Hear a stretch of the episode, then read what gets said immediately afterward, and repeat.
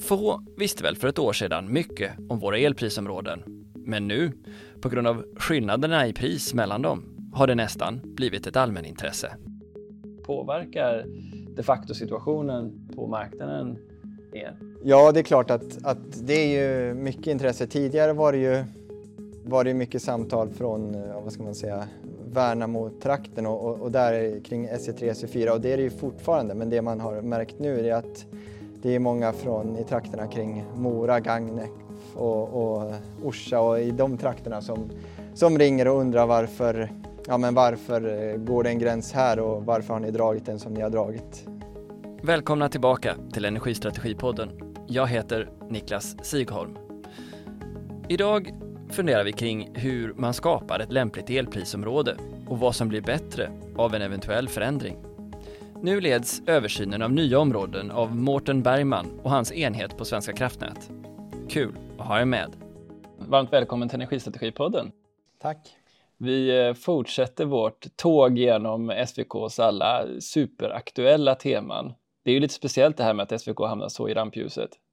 Ja, det får man väl säga. Det är ja, vi har ju alltid tyckt att våra frågor är viktiga, men nu börjar alla andra tycka det också. Men det är klart att det är, det är kul att få, få uppmärksamheten och också få framföra våra, våra synpunkter och hur vi ser på det hela. Så det tycker jag är jättebra. Vad är din roll på SVK? Jag är enhetschef på en enhet som heter Transmission och elmarknad som eh, ansvarar för eh, den långsiktiga prissäkringstidsramen, eh, dagen före marknaden och intradagmarknaden. Så har vi också ett ansvar för transparens och remitförordningen. Det är många saker, men det är också det vi tänkte prata mer om idag. Det är ju översynen av elprisområdena som ju även har varit en, en väldigt central fråga i debatten. Precis, det är också en av ansvarsområden som ligger på min enhet. Okej, okay. innan vi kommer in på det här högst spännande området om, om hur elprissättningen fungerar i Sverige. Så vem är du och vad är det som föranlett att du sitter där du gör idag? Ja, jag är eh, nationalekonom med eh, inriktning mot miljö och naturresurser och jag har väl alltid eh, varit intresserad av, av samhället i stort, resursallokering och sådana frågor. Så ja, när jag skulle skriva exjobb så blev det att jag hamnade på, på Vattenfall och skrev ett exjobb om, om kärnkraftens värde i framtiden. Så det är också ett, ett en het fråga. Och sen blev jag kvar på Vattenfall i några år eh, där och sen eh, efter tre år sökte jag mig till Svenska kraftnät där jag har varit i snart 12 eh, år nu. Då, så det har blivit ganska många år. Om man nu då går in på det området som, som rör just eh utvecklingen av elmarknaden och elmarknadsfrågorna. Vad är ditt generella intryck av den debatten som vi har haft hittills inför valrörelsen och efter? Ja, den har ju varit intensiv så mycket kan man ju säga och inte alltid eh, korrekt tycker jag. Jag tycker att det har varit väldigt polariserat och allting har målats upp i, i svart och vitt som gör att eh, ja, många har blivit tvungna att välja eh, läger och jag tycker att man gör det väldigt enkelt av en, av en svår fråga då och jag tror att svaret ligger nog ofta någonstans mitt emellan det som, det som framförs. Så det, det, det, finns inga eh, ja och nej-svar som jag ser utan det är snarare en, en, en mix av, av eh, mycket som, som behövs och eh, ja, att man gör, ja, eh, tar långsiktiga beslut men också är, är hyfsat pragmatisk tycker jag att man, man behöver vara. Och det, det kan jag sakna lite grann i, i debatten faktiskt. Ja, det är kanske så att allmänheten behöver korta svar, men då är det extra roligt att ha dig här i podden så att du kan undvika att få snuttifieras den här gången. Ja, Om jag ställer frågan kring det här då, för elprisområdena har ju kommit att bli i fokus just på grund av de stora prisskillnaderna som vi ser. Men också om man pratar med ja, alla de som finns i branschen, den illikviditet som finns på marknaden idag. Eh, kan du förklara lite grann om vad bakgrunden är till de nuvarande elprisområdena och din syn på var vi befinner oss? Ja, de nuvarande elprisområdena de börjar ju få några år på nacken. De, de infördes ju 2011 och eh, införandet föregicks ju av en process med eh, kommissionen som, som Sverige och Svenska kraftnät var involverade i. Eh, och det hade ju att göra med den flaskhalshantering, alltså de, de överföringsbegränsningar vi hade i, i elnätet hanterades ju då med att vi helt enkelt sänkte eh, överföringskapaciteten på våra utlandsförbindelser. Eh, och det här var ju då inte i linje med, med EUs lagstiftning eftersom ja, då får ju eh, svenska elkunder tillträde till elen före eh, ja, övriga Europa får det. Så att eh, det ledde ju till att Sverige och Svenska kraftnät eh, gjorde ett frivilligt åtagande att dela in Sverige i, i elområden. Då. Eh, så, så det är ju det som, som har skett innan eh, som liksom har lett till att, att vi har elområden idag. Hur långt efter att de infördes började ni fundera på att det kanske behövde revideras? Ja, det var väl, eh, nu minns jag inte exakt vilket år det var, men jag tror väl att det var runt 2017, 2018 som vi diskuterade om, om det behövde revideras. Det hela hade ju att göra med att vi, vi hade ju Sydvästlänken på gång, att den skulle eh, ja, gå i drift och eh, det skulle ju såklart förändra situationen, men det är också att det skedde väldigt mycket i, i norr och ja, det, den utvecklingen som har gjort att, att vi behöver se över också. Men ja, det är väl ungefär ja, fem, sex år sedan vi, vi började diskutera det. Är det ett underkännande för den nuvarande elprisområdesindelningen att det är så otroligt stora prisskillnader mellan områdena och att likviditeten har sjunkit så mycket? Är det en korrekt uppfattning? Jag tycker inte det. Jag, jag tycker ju att, att eh, de nuvarande eh, prisskillnaderna, jag, jag, förstår ju såklart att de, eh, de smärtar väldigt mycket och de, de, eh, ja, de leder till, till ja, hemska konsekvenser för, för många slutkunder och företag. Men eh, det signalerar ju också att, att det är brist på el i, i södra Sverige. Det signalerar ju också att vi har en problem, ett problem med naturgasförsörjningen, att vi har eh, Eh, produktionskapacitet som står. Så att jag tycker att, att eh, signalerna i sig är korrekt. Men sen är det klart att, att magnituden, om man ska säga, är ju, ja, eh, är ju alldeles för, för stor. Eller det, det, den kan man ju verkligen tycka är, är, är märklig. Men ja. Incitamenten att skapa mer produktion borde vara ganska tydligt kopplade till den pris man får betalt om man har produktion. Men det verkar som att eh, om man nu ser på inte bara kärnkraftsnedläggningen som kan, kanske kan tas separat så är det också så att vindkraftsutbyggnaden har varit mycket starkare i de andra elprisområdena, SE1 och SE2 än vad de var till SE3 och SE4. Eh, det rimmar ju inte riktigt med den priselasticitet som jag kan tänka sig eller, eller investeringsbedömningar som grundar sig på vad man får betalt för en investering. Nej, precis. Nej, vi, vi hade ju såklart eh, velat ha mera eh, produktionskapacitet i södra Sverige.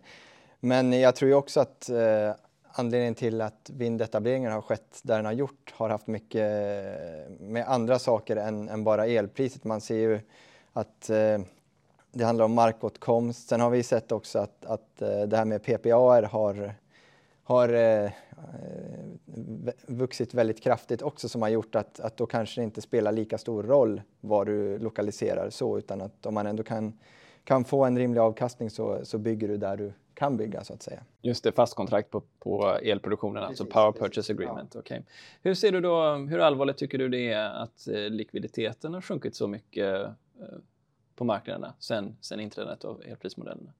Eller elpris du menar likviditeten i, i södra Sverige? Eller, eller? I södra Sverige, ja. Ja, ja det, jag ser väl inte att eh, likviditeten, då, då antar jag att du hänför dig främst till den finansiella elprismarknaden då, eller, eller för jag tänker, ja. Ja, framtiden. Eh, ja, nej men det, det är såklart en, en utmaning som vi ser med, med, med det och eh, vi håller ju också på att se över vad vi kan göra för att stärka upp den finansiella elprismarknaden. För det, det kan man väl konstatera att eh, ja, nuvarande utveckling av, av den är, är bekymmersam och ja, för att få till investeringar i, i framtiden tror jag att det behövs, eh, ja, det behövs eh, rimliga sätt att kunna prissäkra sig för och det behövs ju för, för eh, eh vilken producent och eh, förbrukare som helst som, ja, som driver en rörelse, tänker jag. Så att eh, nej, den, den marknaden eh, behöver ju stärkas upp och likviditeten behöver öka definitivt. Det låter spännande.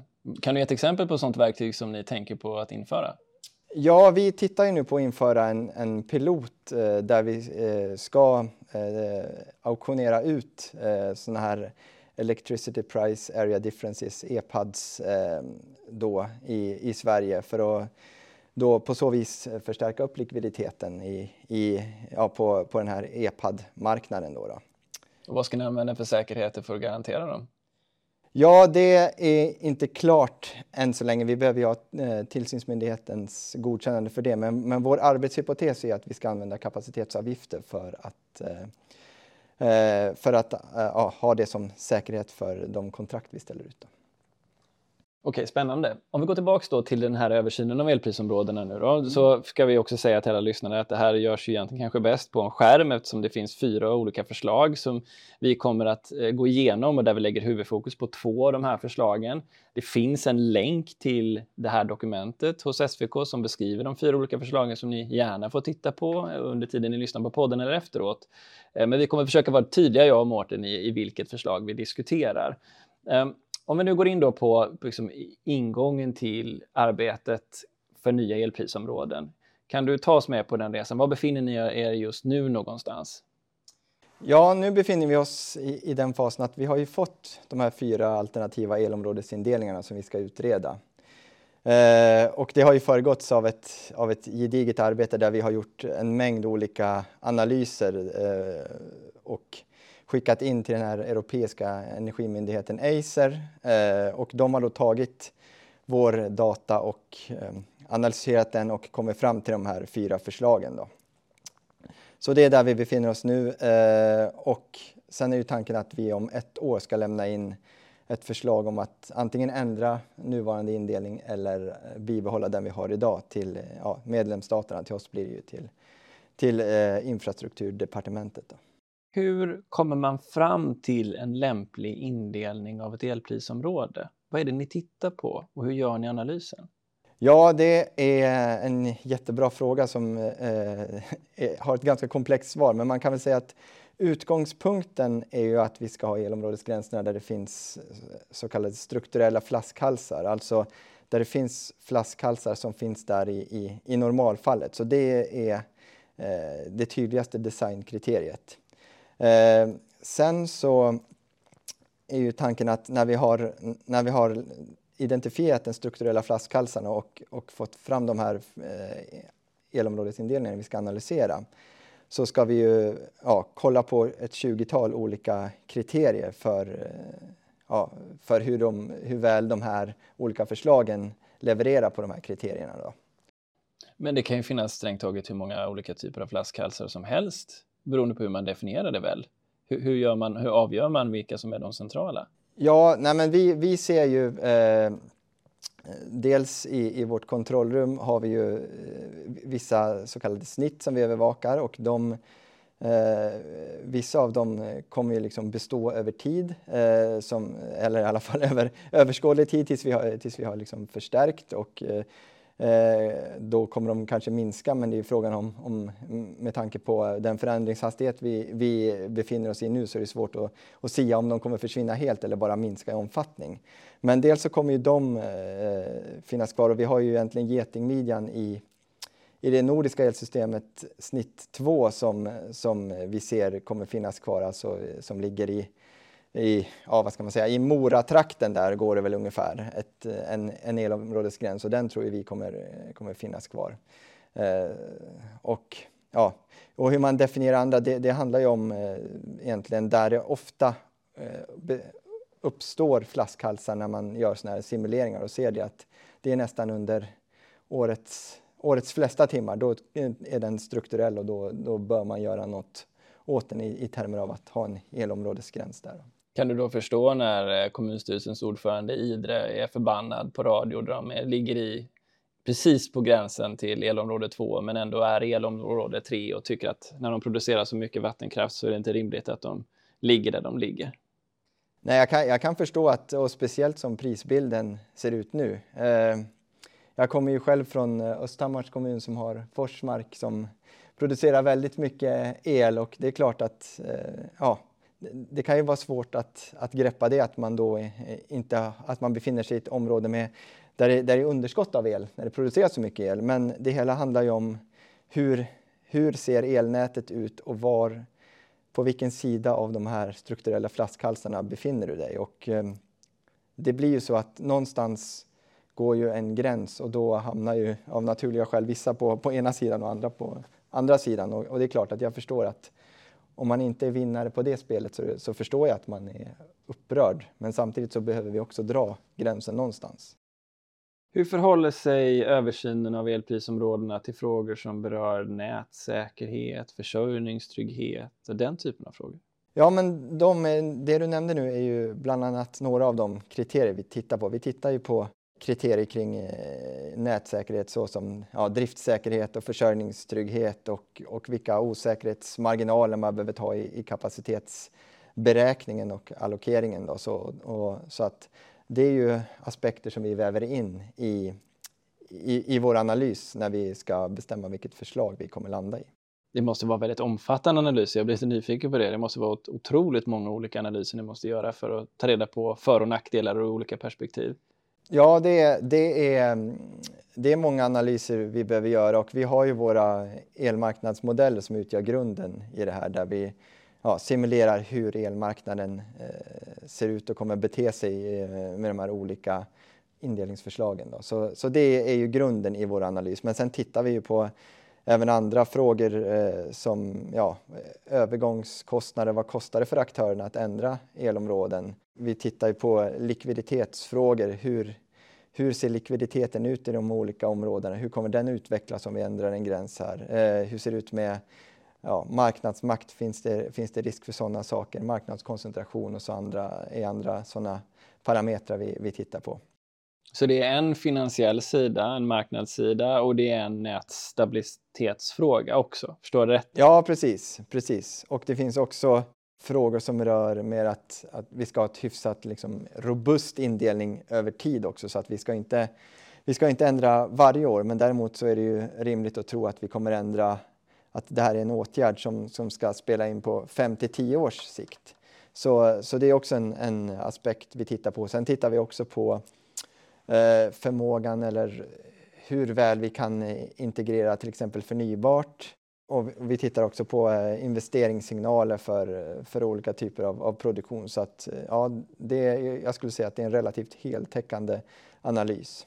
Och du nämnde här förut att ni tog på er ett eh, självpåtaget ansvar 2011 när de här elprisområdena dök in. Vilken spelplan befinner ni er på nu? Vem är det som är, finns det en överliggande kropp här och, som beslutar? Ja, precis. Nu är det ju EU-lagstiftning som, som vi har att förhålla oss till och som säger att vi ska göra det här gemensamt i, i hela Europa.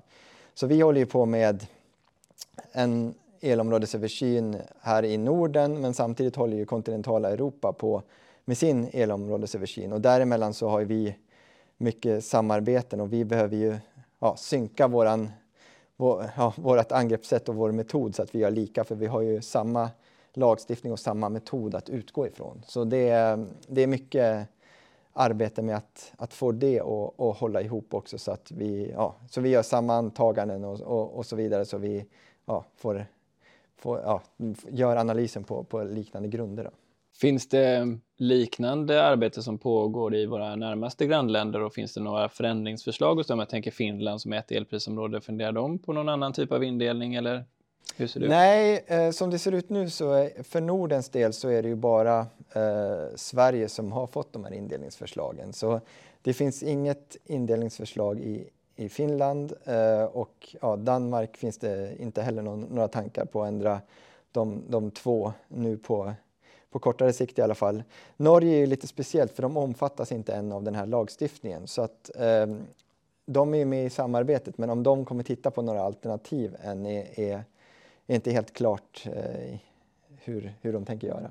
Men att det ligger förslag att dela upp Tyskland i olika elprisområden, det måste ju vara en stor diskussion som svallar över till dig, tänker jag. Ja, det är ju eh, stort och det kommer ju ha en väldigt stor påverkan på, på hela Europa. Man säger att vi utifrån vårt perspektiv kan man ju tycka att vi bara gör små justeringar i jämförelse med vad som skulle hända om Tyskland blev indelat.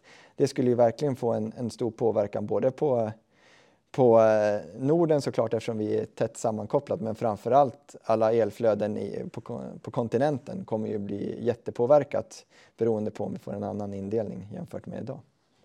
Det har ju bland annat pratats en del om den här Beken-modellen också, mm. att eh, skapa ett mer nationellt priskryss. Ja. Eh, det har varit med i, på flera olika ställen nu. Eh, vad, är, vad är din uppfattning om den modellen och argumenten som framförs för det? Ja, vi har ju eh, från första början sett utmaningar eh, utifrån den EU-lagstiftning som, som finns som säger att vi ska ha ett och samma elpris i ett elområde där både köpare och säljare ska få samma elpris. Eh, och det är något som den här modellen avviker ifrån. Eh, så att just den här eh, vad ska man säga, den här likabehandlingsprincipen som, som ledde fram till eh, att, vi blev, eh, att vi delade in i elområden. Jag tycker det påminner ganska mycket om en sån diskussion om man skulle införa något sånt här. Sen är det klart att utifrån eh, ja, all den kraft vi behöver ha in i, i södra Sverige på längre sikt så skapar det en oerhörd osäkerhet för de som ska investera i, i elproduktion och man kan också tänka sig att att eh, de aktörer som finns på elmarknaden att de börjar ja, buda in sin produktion på ett annat sätt, att de mer anammar någon typ av strategisk budgivning där de ja, försöker sikta på eh, att få det, det priset som gäller för export och inte Sverigepriset. En annan eh, kritik kanske är fel ord att säga, men ett annat förslag som kommit in i debatten har varit den om att vi borde ha många, många fler prisområden för att få bättre lokala signaler. Hur ser du på ett sådant förslag? Ja, eh, det är ju alltid en avvägning mellan att ha, vad ska man säga, rimligt stora eh, elområden där du kan göra något åt de flaskhalsar som finns och då behövs det ju finnas någon typ av, av eh, reglerbara resurser som man kan använda för att, för att hantera flaskhalsarna. Då, då. Eh, och risken är ju att om du har alldeles för små elprisområden att, att det inte finns där i och att det egentligen blir bara en, eh, ja, en eh, förbrukningszon där du egentligen inte kan reglera så mycket och då löser du egentligen inget problem. I en teoretisk synvinkel tycker jag ju att idén är, är ju intressant fast kanske inte just nu men, men på längre sikt att, att man behöver ha en mer, vad ska man säga, dynamisk och eh, kanske mer förfinad flaskhalshantering. Men jag tycker inte vi befinner oss där idag än så länge. Ja, Okej, okay. ska vi titta på lite olika typer av prissättningar som finns här nu, eller sätt att, att sätta pris. Det finns någonting som heter nordprissättning som bland annat används i USA. Mm. Eh, om vi bara ska gå igenom, vad är, vad är det för något? Ja, nodprissättning det är ju om du sätter eh, egentligen varje nod som ett elområde. Och eh, då beräknar du ju eh, det lokala värdet av energi i varje nod baserat på ja, det utbud som finns, den efterfrågan som finns och ja, den överföringskapacitet som finns eller transportkostnaden att få elen fram till, till den noden. Så det är ju ett väldigt högupplöst system där du egentligen ser alla flaskhalsar i elnätet. Och det är ju ett, ett lämpligt sätt att, uh, att anamma om du har uh, ett väldigt svagt elnät så är det ju bra att, att ha den typen av modellen. Uh, har du ett starkare elnät då kan du också bygga upp, uh, vad ska man säga, större, större zoner eller större bud, eller större elområden ska man kalla det då. Uh, om, du, om ja, infrastrukturen klarar av det, för då får du ju en ja, bättre konkurrens och, och mer likviditet eh, utan att behöva ta hänsyn till, eh, till överföringskapaciteten. Men då bygger det på att du har ett, ett starkare elnät. Hur många sådana här noder finns i Sverige bara så man får en uppfattning? Ja, det är nog ett hundratal skulle jag tro som vi har tittat på i Sverige. Och det är flera hundra i, i, i hela Norden, så det är ganska många. Slingflöden då, vad är det för något? Ja, slingflöden, det är ju, eh, jag brukar ju kalla det för eh, loop flows. Och det är ju när, eh, när ett eh, flöde uppstår i ett elområde och så går det över till ett annat elområde och sen eh, slutar det i samma elområde som det uppstod. Och det här är ju eh, ett fenomen som eh, uppkommer och som tar egentligen handelskapacitet. För att det, ja, det är inte så att det sker någon handel över en elområdesgräns men däremot så tas ju kapaciteten upp för att du, du eh, har, eh, den går över gränsen men sen går den tillbaks. Men, men eh, det är ingen handel som sker över elområdesgränsen. Jag antar att det är någonting man vill undvika i möjligaste mån. Ja, precis. Det, vi har väl inte jättestora problem med det i Norden eftersom vi har relativt små elområden. Men i Tyskland så, så ser man ju mycket sådana här loop flows att Eh, de har ett överskott i, i norra Tyskland och sen, eh, sen går kraften ibland via Polen, eh, Tjeckien, Slovakien och sen tillbaks till Tyskland och då tar de ju upp en stor del av kapaciteten i elnätet eh, i, i grannländerna utan att de egentligen får något för det utan ja, Tyskland transporterar sin el i, i andras nät helt enkelt kan man ju säga. Det som är vanligare i, i en i nordisk kontext är ju sådana här transitflöden som, eh, som innebär att man, eh, man eh, överför el till exempel från norra Norge genom Sverige till Finland. Att man på så vis. Och det är ju ingen el som som vi, vi har utan den, den går ju bara vidare med, med oss som transitland. Men, men däremot så, ja, eh, så tar den ju också upp kapacitet. Och när ni tittar då, vad är det mer för faktorer när ni tittar på att avgöra eh, de, de här elprisområdena? För jag har ju hört mycket om, om eh, den öst-västliga begränsningen och hur den påverkar systemet. Vad, vad, vad är det för något och hur påverkar det hur ni ser på elprisområdena? Ja, eh, i den här eh, elområdesöversynen så tittar vi också på någonting som heter, eller kallas för in, interna flöden och det är ju just sånt som när det uppstår eh, flöden internt eh, som eh, från, en, eh, från eh, ja, producenter till förbrukare då, då, som egentligen inte föregås av, av någon handel över elområdesgräns men det här har ändå en påverkan på, på den kapaciteten. För att kunna hantera de här interna flödena behöver man sänka ja, den kapacitet som finns på överföringsförbindelsen. Kan du ge något exempel som man förstår? Ja, det, vi, vi har ju haft eh, utmaningar här med, med det som du nämnde, de öst-västliga flödena och har ju också sökt ett, ett undantag för, för eh, vår hantering av, av det här ja, det, det, det, det, som har skett är ju att vi har haft nedstängning av kärnkraft på västkusten och sen har vi också eh, Eh, fått in HVDC-kablar eh, i Norge och Danmark som gör att vi har fått ett flöde från öst till väst. Eh, och det har ju lett till att vi, ja, vi behöver få över mer kraft till västkusten, Göteborgstrakten. Och det har gjort att, att det har uppstått flaskhalsar i, ja, kring ja, östra Svealand där. Och då har vi behövt hantera det genom att sänka överföringskapaciteten både till Finland men också till Norge och Danmark för att hantera det här interna flödet. Då. Vad är det som händer i praktiken när man har de här flaskhalsarna som leder till att man måste begränsa överföringen till andra länder? För Norge har ju varit rätt uppretade på det här. Ja, eh, det som händer är ju att, att eh, vi, vi, ser ju ett flöde och vi ser ju hur mycket de interna ledningarna klarar av. Eh, och då behöver vi anpassa eh, ja, det kraftflytet som, som kommer för att eh, inte bli för stort över de här ledningarna för då, ja, då blir de ju överlastade. Och ja, då finns det, det, det kortsiktiga åtgärden är ju att använda så kallad mothandel, att man ja, beordrar upp eller ner produktion. Men om inte de resurserna finns på plats då behöver vi hantera det genom att ändra ja, den kapacitet som finns på överföringsförbindelserna. Och det är det vi har gjort till Finland och, och, och Norge och Danmark och också internt på, på våra interna eh, elområdesgränser. Okej, okay. så om jag förstår det rätt här nu så gör ni någon form av översyn av alla noder som finns i systemet. Mm. Och så tittar ni på hur de här flödena ser ut, bland annat med eh, hur looparna ser ut och hur de interna flödena ser ut. Mm. Eh, vad händer sen när ni har gjort de analyserna? Hur, hur beräknar ni? Eh, ja, sen är det ju, eh, vi, vi skickar ju de här eh, nodprisresultaten till, till Acer då, och sen så kör ju de en, en algoritm där de tittar på, först så identifierar de eh, det, det vad ska man säga, det, det sämst, eh, eh sämsta elområdet utifrån de här tre kriterierna, alltså ja, prisskillnader internt i, i elområdet och eh, interna flöden och såna här eh, loopflöden eller slingflöden. Och ba baserat på det så, så börjar de också att slå samman olika noder eh, och så får de fram förslag eh, baserat på var de strukturella flaskhalsarna finns.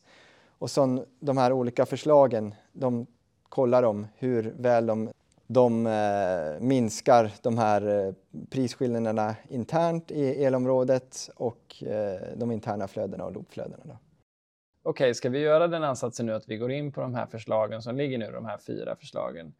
Och man kan säga att det är ju eh, i alla fall för en Västeråsbo så är det ju väldigt stor skillnad mellan de olika förslagen. Vi kan i princip, om man bor i Västerås, vara allt från elområde 1 till elområde 3 till elområde 4, om jag har förstått saken rätt. Då. Ja, pre precis. Jag kan inte redogöra för exakt eh, nättopologin i Västeråsområdet, men det är klart att kring där så går ju, eh, går ju elområdesgränserna väldigt olika i de olika förslagen, så absolut. Mm. Sen får man ju se, eh, vi gör ju en indelning på ska man säga, stamnätsnivå och sen hur det slår exakt ner på region och distributionsnät, det eh, ja, kan inte vi i dagsläget uttala oss fullt ut. Som, så du som slutkund eh, har jag inte så mycket att, att förmedla i dagsläget, utan det, det är sånt som vi får se. Men det kan bli ett spännande utfall av det här i alla fall. Det är lite som en, en, en trumvirvel vad det blir. Um, och vi tar dem väl i ordning ändå, även om det, de inte kanske kommer i er preferensordning Nej, därmed sagt. Då. Men i det första förslaget så har vi bara tre elprisområden. Ja. Förklara. Ja, men det vi ser där framför oss är ju en sammanslagning av, av eh, det nuvarande SE1 och SE2 så att vi har ett eh, stort prisområde, elprisområde i norra Sverige och så ser vi som en tunga som går ner eh, hela vägen ner mot Västerås och eh, ja, Forsmark och Gävle-trakten där.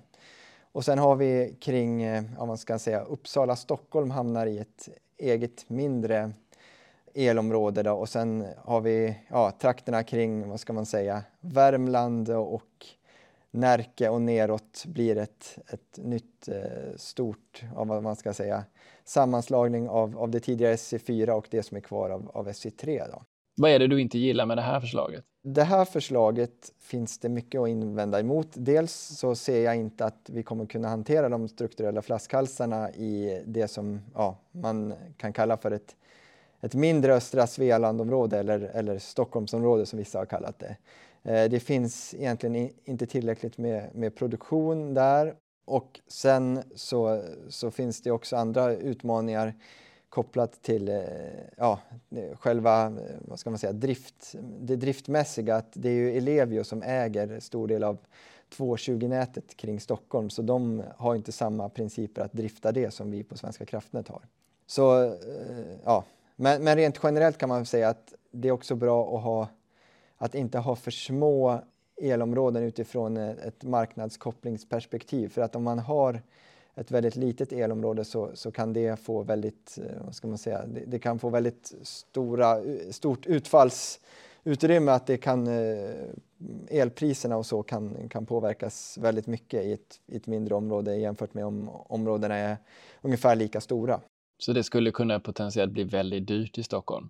I, I det där scenariot med, med att det skulle vara ett tydligt eh, förbrukarområde utan någon produktion så, så skulle ju priset eh, troligtvis vara, vara relativt högt skulle jag tro. Men, men det, ja, det beror ju helt på huruvida den här eh, kapaciteten in till Stockholm, hur den sätts och om det skulle vara begränsande. Men om vi skulle ha mycket flaskhalsar här så ser jag att det skulle vara utmanande att hantera dem. Så jag, jag ser ju inte att det här förslaget egentligen löser några problem.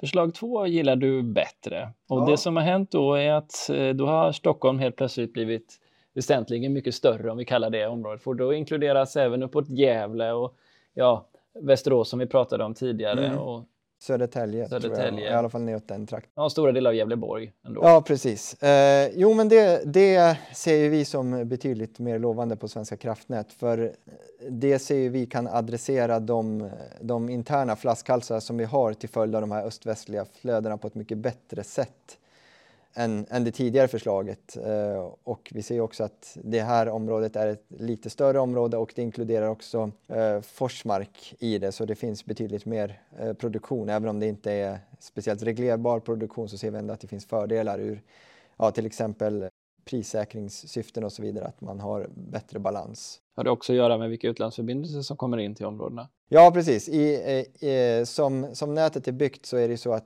Även Fennoskan skulle alltså förbindelsen från Finland till nuvarande SE3 skulle vara i ett sånt här östra Svealandområde. Då. Så att det ser vi också som en fördel och också en, en möjlighet till att, att på ett bättre sätt reglera eh, för att kunna hantera flaskhalsarna. Då. Och här är fortfarande både SE2 och SE1 sammanslagna samt även då det som är kvar av SE3 och SE4 sammanslagna. Vad är för och nackdelarna med att ha dem som sammanslagna enheter?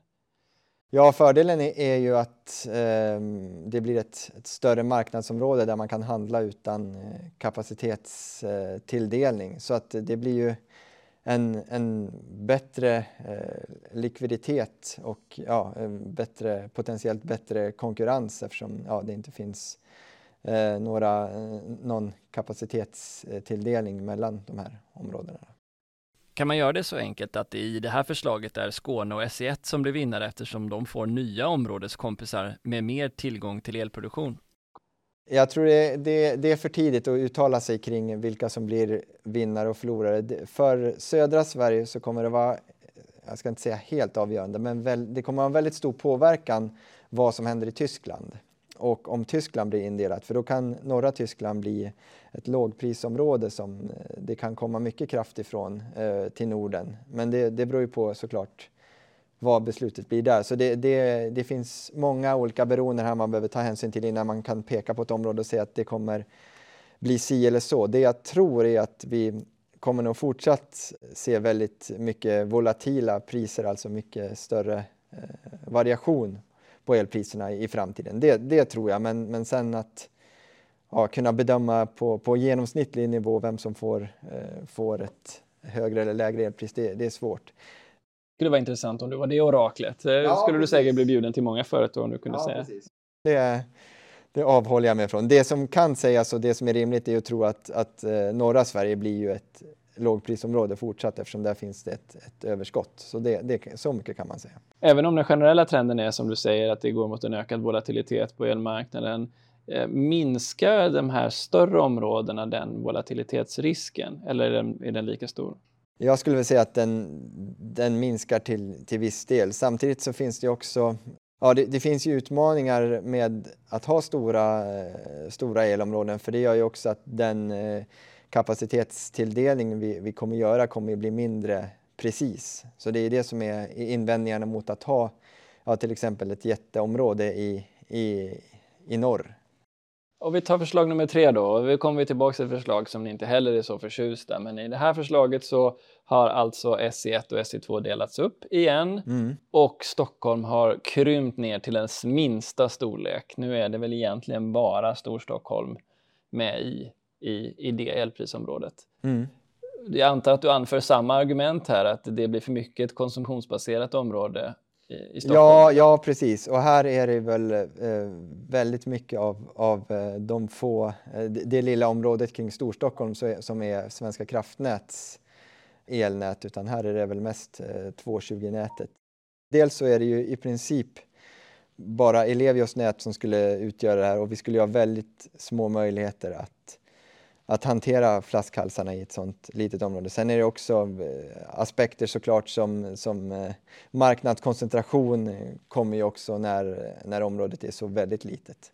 Jag antar då att volatiliteten i det här fallet skulle vara mest extrema för Stockholm? Ja, det, det skulle väl rimligen vara så eftersom det är ett så pass litet elområde. Och det sista, det fjärde förslaget, där är alltså då SE1 och SE2 uppdelade i varsitt område. Är det som idag? Det är eh, SE1, SE2-gränsen är på samma ställe som idag, ja. ja. Och sen har du då storleken av Stockholmsområdet som var i likhet med förslag 2, nämligen att sträcka sig upp över Gävleborg och hela vägen ner till Södertälje. Mm. Och sen så har du kvar SE, ja vad heter det nya sammanslagna SE3 och SE4? Ja, det är väl inte riktigt bestämt vad det, vad det ska heta. Det får vi väl fundera över, men det är nog den lättaste frågan att lösa skulle jag tro. Vad är bra med det här? Ja, men alltså fördelen med det här förslaget det är ju att eh, produktion uppe i, i, i Luleälven och produktion kring, kring Östersund har väldigt olika, eller har inte samma påverkan på, eh, på elnätet och de flöden som uppstår. Så, så genom att ha den här gränsen kvar så kommer vi dels kunna göra en mer effektiv användning av det, den kapacitet vi har i elnätet. Sen är det också att eftersom vi har ja, vi har ju avbrott från eh, ungefär mars till november så ser vi också att, att ha en gräns mellan SE1 och SE2 är eh, ett väldigt bra verktyg för oss eh, större delen av året för att kunna hantera avbrott i, i, ja, i norra delen av Sverige. Varför då? Ja, för att annars behöver vi ju, eh, om vi har någonting som, som ligger nära eh, där så kan vi ju eh, istället för att göra väldigt grova antaganden och sänka kapaciteten någon annanstans, vilket blir eh, det troliga utfallet. Och om, vi, om vi har avbrott där så kan vi göra det närmare där det faktiskt är och inte påverka och eh, egentligen göra väldigt grova ingrepp för när vi kan ha ett mycket mer exakt verktyg. Hur mycket påverkar att det ligger 8000 megawatt i ansökningar i S1? Ja, vi, vi tittar ju på, eh, på referensåret 2025 och vad jag har förstått så kommer väl inte den här gröna industriella revolutionen har väl inte fullt ut kommit igång då. Men, men det är klart att, att det kommer ju få en påverkan. Men eftersom vi ska göra de här elområdesöversynerna vart tredje, fjärde år, någonting sånt, så är det rimligare att, att vi tar hänsyn till, till den utvecklingen i, i nästkommande elområdesöversyn. Med tanke på hur du ler, är det här fjärde förslaget det du gillar allra, allra mest?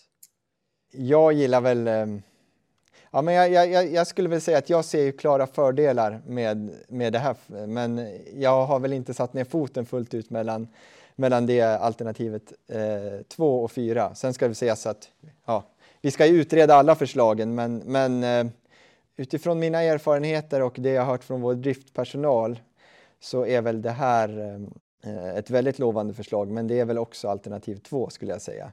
Eh, men det är klart att utifrån ett driftperspektiv tror jag att det här är att, att föredra så vitt jag har förstått.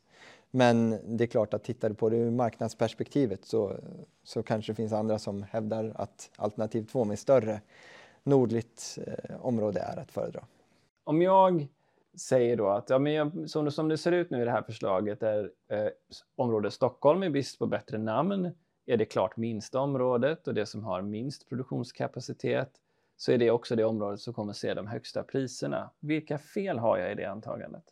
Du nämnde ju förut naturligtvis Tyskland och det påverkar, ja, men vad mer? Mitt svar är väl att jag vet inte om du har fel. Du, du kanske... Eh, jag, jag vill inte spekulera för mycket i hur prisbilden kommer att se ut, men det är klart att i dagsläget när vi ser de här öst-västliga flödena så bygger det på att det finns eh, billigare kraft i Finland som ska gå över mot, mot Norge och Danmark och då är det ju rimligt att tro att det inte kommer att, att vara högre priser i det här Stockholmsområdet. Men det är klart att om vi ser att Finland behöver importera mycket kraft och det är i den flödesriktningen som, som det går, då kommer det ju kanske vara ett, ett högre pris. Så det beror ju mycket på vad, vad som händer i de närliggande områdena också. Och sen är det såklart eh, viktigt att se hur, hur kommer produktions eh, och förbrukningsutvecklingen eh, se ut i det där området.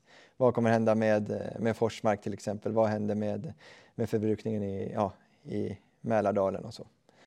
Hur ser tidsplanen ut? Vi har ju precis fått förslagen, eller fick dem i augusti, så nu har vi ett år på oss att utreda de här fyra förslagen. Då. Och under den resans gång så ska vi också ha en eh, ja, dialog med aktörerna. Det kommer dels vara en formell eh, konsultation någon gång i början på nästa år, kvartal ett, eh, där vi kommer använda, där vi gemensamt kommer gå ut europeiskt och, och efterfråga synpunkter på, på ja, våra analyser. Men sen kommer vi också ha antingen svenska eller nordiska aktörsmöten som vi kommer bjuda in till också. Ja, ni har redan puffat för att ni vill ha in åsikter om just övergångskostnader, kan man ju påminna om då. Mm. Har ni fått in några åsikter än så länge? Vilka är det ni vill ha in åsikter från och hur gör man? Ja, det är ju en, en enkät som ligger ute nu eh, på NSOE, eh, alltså vår samarbetsorganisation i Europa där alla eh, systemansvariga är med.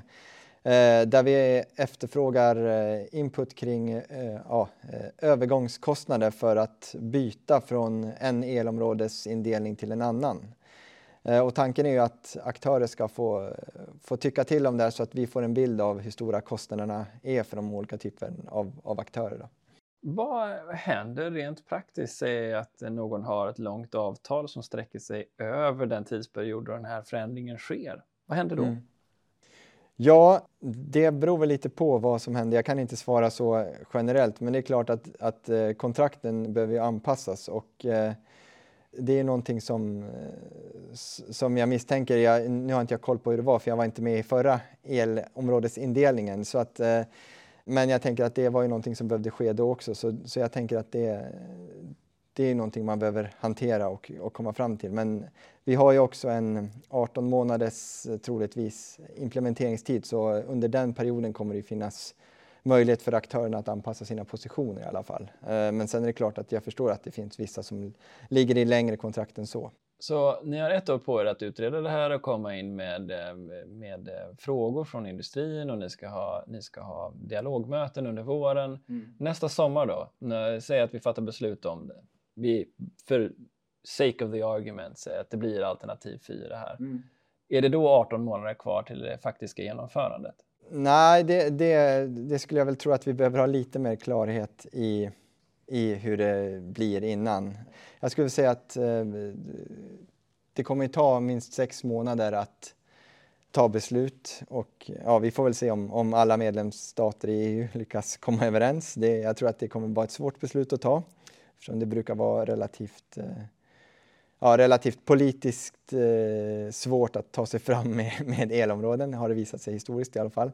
Och sen när de har gjort det så är det väl 18 månader, tänker jag, när man vet med säkerhet. För jag tror, även om man kan börja förbereda sig så tror jag inte att någon vill ta några, ska man säga, större investeringsbeslut om att ändra IT-system och så vidare och i processer och, och, och, rutiner innan man vet för säkert att det blir en ändring. Så att det först då. Vi tror väl att det är först någon gång, ja, absolut tidigast under 2025 som det kan bli aktuellt med, med en ändring och sen får man ju se hur, hur det går. Så den mest optimistiska tidplanen är alltså att vi vid ingången av 2025 har en ny elprisområde? Nej, det blir nog inte ingången av 2025 i så fall, utan då är det någon gång under 2025. In, jag tror att eh, ja, det, det, kommer nog inte vara första januari 2025. Tror jag. Vad är då, om vi backar tillbaka till det mest övergripande, säg nu att du nu leker jag med tanken här igen. Det här förslaget har berätts och det har gått igenom diskussion och dialogmötena och så kommer man fram till ett politiskt beslut att ja, vi ska göra den här el elområdesindelningen. Mm. Vad kommer bli bättre för Sverige om vi landar i en, den här eh, alternativ 4 med en SE1, en SE2, en sammanslagen SE3, 4 och ett större Stockholmsområde? Ja, det som blir, blir bättre för, eh, för Sverige och för Norden är ju att den kapacitet som finns kommer kunna nyttjas på ett mycket mer effektivt sätt. Och den kommer ju då också kunna tilldelas mer till, ja, till handel snarare än att, eh, att vi ska använda det till interna flöden och så. Så att det kommer bli mer effektivt nyttjande och då förhoppningsvis eh, större samhällsnytta då. Samtidigt så går ni över till något som heter en flödesbaserad metod. Mm. Vad, vad innebär det? Ja, den flödesbaserade metoden kan man säga att det är en eh, sätt att beräkna och, och tilldela kapacitet som mer tar hänsyn till hur, hur elen eh, transporteras eller flyter i, i elnätet. Idag antar vi egentligen att, att elen går raka vägen från, från ett, eh, ja till exempel, vi, vi säger att en, eh, en, en, handel mellan SC2 och SC3 den går raka vägen eh, däremellan och då tar man inte hänsyn till att en viss andel kan gå in i Norge eller ja, transporteras den vägen till SC3. Och det är det som eh, den här flödesbaserade metoden gör då, att man, man till, tillhandahåller egentligen en, en enklare nätmodell till elmarknaden och så får man nyttja all befintlig kapacitet som finns i elnätet. Så, så potentiellt, och det är det vi hoppas på, så kommer det leda till mycket större handelsmöjligheter för elmarknaden. Hur, hur påverkar förmågan till flexibilitet och den framtida möjligheten av elektrolysörer som kan ställas av fort eller batterier i nätet? Påverkar det på något sätt eh, utblicken och planeringen av de här elprisområdena? Jag skulle säga att i dagsläget med, med sikte på 2025 så har vi väl inte det, eh, det så mycket med i vårt perspektiv. Men det är klart att i takt med att, att ja, den, eh, den industrin kommer att byggas ut så, så kommer det bli en, en viktigare spelare, absolut, om, om de planer som finns realiseras. Givet den snabba utvecklingen nu, både av hur marknaden utvecklas också, men tekniken och in, inträdet av vad man tror i alla fall vätgasen in i vårt samhälle.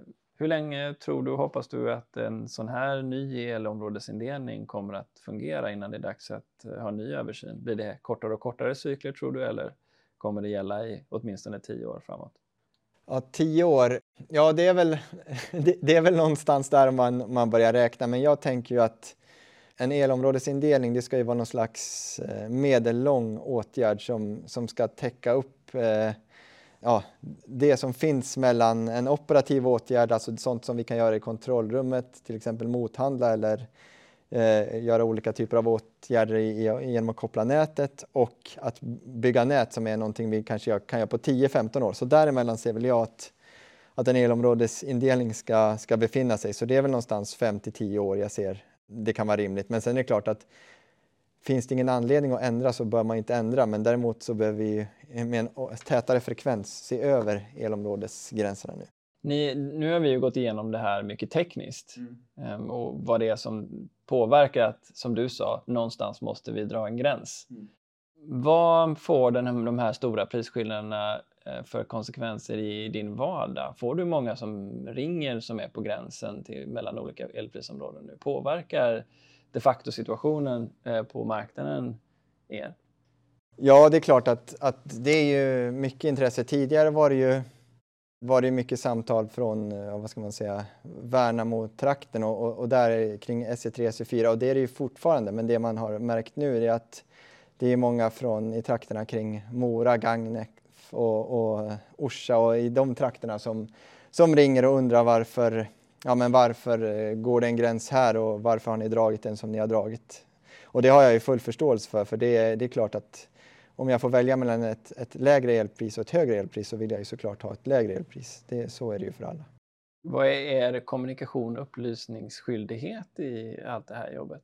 Ja, eftersom vi är en myndighet så har vi ett stort ansvar i att, eh, att tillhandahålla information och eh, förklara varför, eh, varför det ser ut som det gör. Så, så det är en, en, en självklar del i vårt uppdrag. Vad är du mest nervös för i den här processen? Vad är du mest orolig för? Vilka trösklar skulle, eller hinder skulle kunna kull, kullkasta planerna? Ja, vad jag är mest nervös för? Det, jag vet faktiskt inte vad jag är mest nervös för. Det som eh, jag är mest rädd för det är väl att det kommer dra ut väldigt mycket på tiden och att eh, det inte kommer finnas den politiska viljan att ändra någonting så att vi kanske inte kommer se någon förändring på, i, i kontinentaleuropa där jag tror det behövs. Det är väl, eh, det, det skulle jag väl svara på det. Hur är det att få med politikernas förståelse i Sverige för det här? Ja, men jag tycker väl att den är högst eh, varierande beroende på vem, vem du pratar med. Att om du pratar med eh, lokalpolitiker så förstår jag ju att de har ett hårt tryck från sina väljare där att, att de ska föreslå förändringar medan jag tycker att det finns en Ja, jag tycker det finns en, en större förståelse från regering och riksdag att, att vi har, eh, eller i alla fall från, från eh, från centralt håll att, att vi har eh, den här typen av, av uppdelning. Om du, om du, ni, er avdelning, lyckas med det här jobbet som ni har företagit er, hur blir Sverige lite bättre av det jobbet som du gör? Ja, hur blir Sverige lite bättre? Ja, men jag tror ju på att eh, genom, genom ökad handel så kommer vi få ett ökat välstånd och genom en, en korrekt elområdesindelning så kommer vi att tillgängliggöra eh, den kapacitet vi har på ett så effektivt sätt som möjligt och det kommer ju ge ökade möjligheter. Så det är väl, det är väl så som vi gör Sverige lite bättre skulle jag säga. Mårten, tack så hemskt mycket för att du var med i Energistrategipodden. Tack. Nästa vecka fokuserar vi återigen på utvecklingen av den biobaserade delen av energisystemet. Vi pratar med Magdalena Streifert på Neste, en tidig och stor investerare som ligger lång i biobränslenas möjlighet att driva omställningen. Hoppas vi hörs då.